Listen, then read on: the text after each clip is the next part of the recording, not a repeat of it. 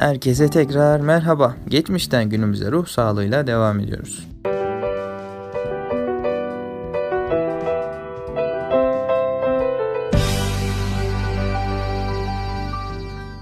Ruh sağlığı deyince tabi tarih çok eskilere dayanıyor ve ilk rastladığımız insansa Hipokrat ruh sağlığının diğer hastalıklar gibi biyolojik olduğunu iddia ediyormuş ve ortaya attığı kavramlar var. Bunlardan biri somatogenez. Ruh sağlığının biyolojik olduğunu savunan hipotez. Bu hipotezi ilk ortaya atan kişi ise Hipokrat. Yani ne demek bu somatogenez? Mesela çocuk okula gitmek istemiyor ya da okulda yok okula gitmek istemiyor diyelim. Okulun kapısına vardı. İstemiyor ama söyleyemiyor bunu annesine veya bir başka birine. Okulun kapısına vardığında diyor ki karnım ağrıyor. Diyorsun ki oğlum veya kızım neden karnın ağrıyor? Biraz önce iyiydin. Diyor ki karnım ağrıyor gitmek istemiyor. Yani oradaki gitmek istememesini karnı ağrısına bağlıyor. Ama normalde karnı ağrımıyor. Bunu biyolojik nedenlere bağlıyor. Bu da böyle aklınızda kalabilir. Psikogeneze geçiyoruz. Ruh sağlığının psikolojik olduğunu söyleyen görüştür bu da. Ruh sağlığı tedavisinde ilk ciddi adım Amerika'da Fransız hekim Philip Pinel tarafından atılmıştır. İlk ruh sağlığı kliniğini açmıştır. Evet şimdi eski dönem kuramcılarına bakalım. Burada tabii ki John Locke,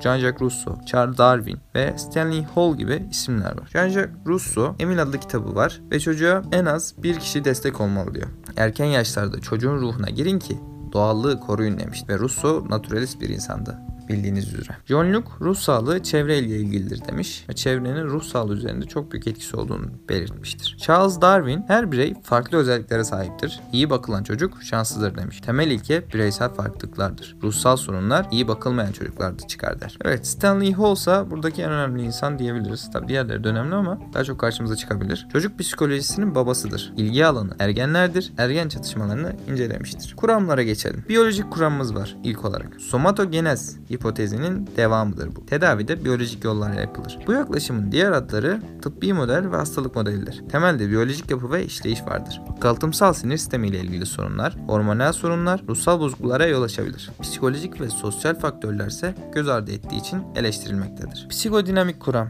Freud, ruhsal bozukluk bilinçaltı çatışmalarından kaynaklanır der. Çocukta ruh sağlığı bozukluğunun gelişebilmesi için belli bir yaşa gelmelidir. Yetişkinlikteki ruhsal bozukluk çocukluk travmaları ile ilgilidir. Tedavi psikanalizdir der. Cinsellik ve saldırganlık önemli, erkek egemen bakışa dayanması ve psikososyal süreçleri göz ardı etmesi eleştirilmiştir. Davranışçı kuram. Ruhsal sorunlar yaşantı yoluyla öğrenilir. Kaygı ve korku mesela. Fobi, yoğun takıntı, obsesif kompulsif bozukluk, insan davranışı basite alıyor, psikolojik etkenleri göz ardı eden, insan davranışını basite alan ve biyolojik etkenleri göz ardı eden bir kuramdı bu da. Dördüncü olarak bilişsel kuramımız var. Bireyin durumu nasıl değerlendirdiğidir. Yani yanlış düşünce, inanç, ruhsal bozukluk temellerini oluşturur. Yanlış anlamlandırma ve yanlış değerlendirme vardır. Bu da soru çözerken karşınıza gelebilecek şeylerden biri. Varoluşçu kuram var. Jean-Paul Sartre ve Albert Camus. Yaşayan en önemli varoluşçu psikanalist Irving Yalom'dur. Her insanın varoluşu kendisine aittir der. İnsan kendisini var etmelidir. Herkesin varoluşu farklıdır ve saygı duyulması gerekir. Lying, makul olmayan dünyada makul davranmak problemin kendisidir demiş Lying abimiz. Çok da güzel bir söz kullanmış gerçekten. Dünyanın biz ne olalım değil mi? Neyse. Sosyal kültürel kuram var 6. olarak. İnsan yalnız yaşayamaz. Ruhsal problemler içinde bulunduğu toplumdan kaynaklanmaktadır der. Son olarak 7. Sistem kuramı. Geç daldığın bütünlük kuramına dayanır. Biyopsikososyal olarak ortaya çıkan sorunlar vardır bir tanesinde bile olsa bozulur. Yani bir tanesinde bile sorun olsa ruh sağlığı bozulur der. Günümüzde en çok kullanılan sistem kuramı ve biyolojik kuramlardır. Ruh sağlığını etkileyen faktörlere bakalım. Biyolojik fiziksel faktörler başlığı altında 7 tane faktörümüz var. Bunlardan ilki kalıtsal faktörler. İkincisi sinir sistemi ile ilgili faktörler. Üçüncüsü kromozom bozuklukları. Dördüncüsü gen mutasyonu.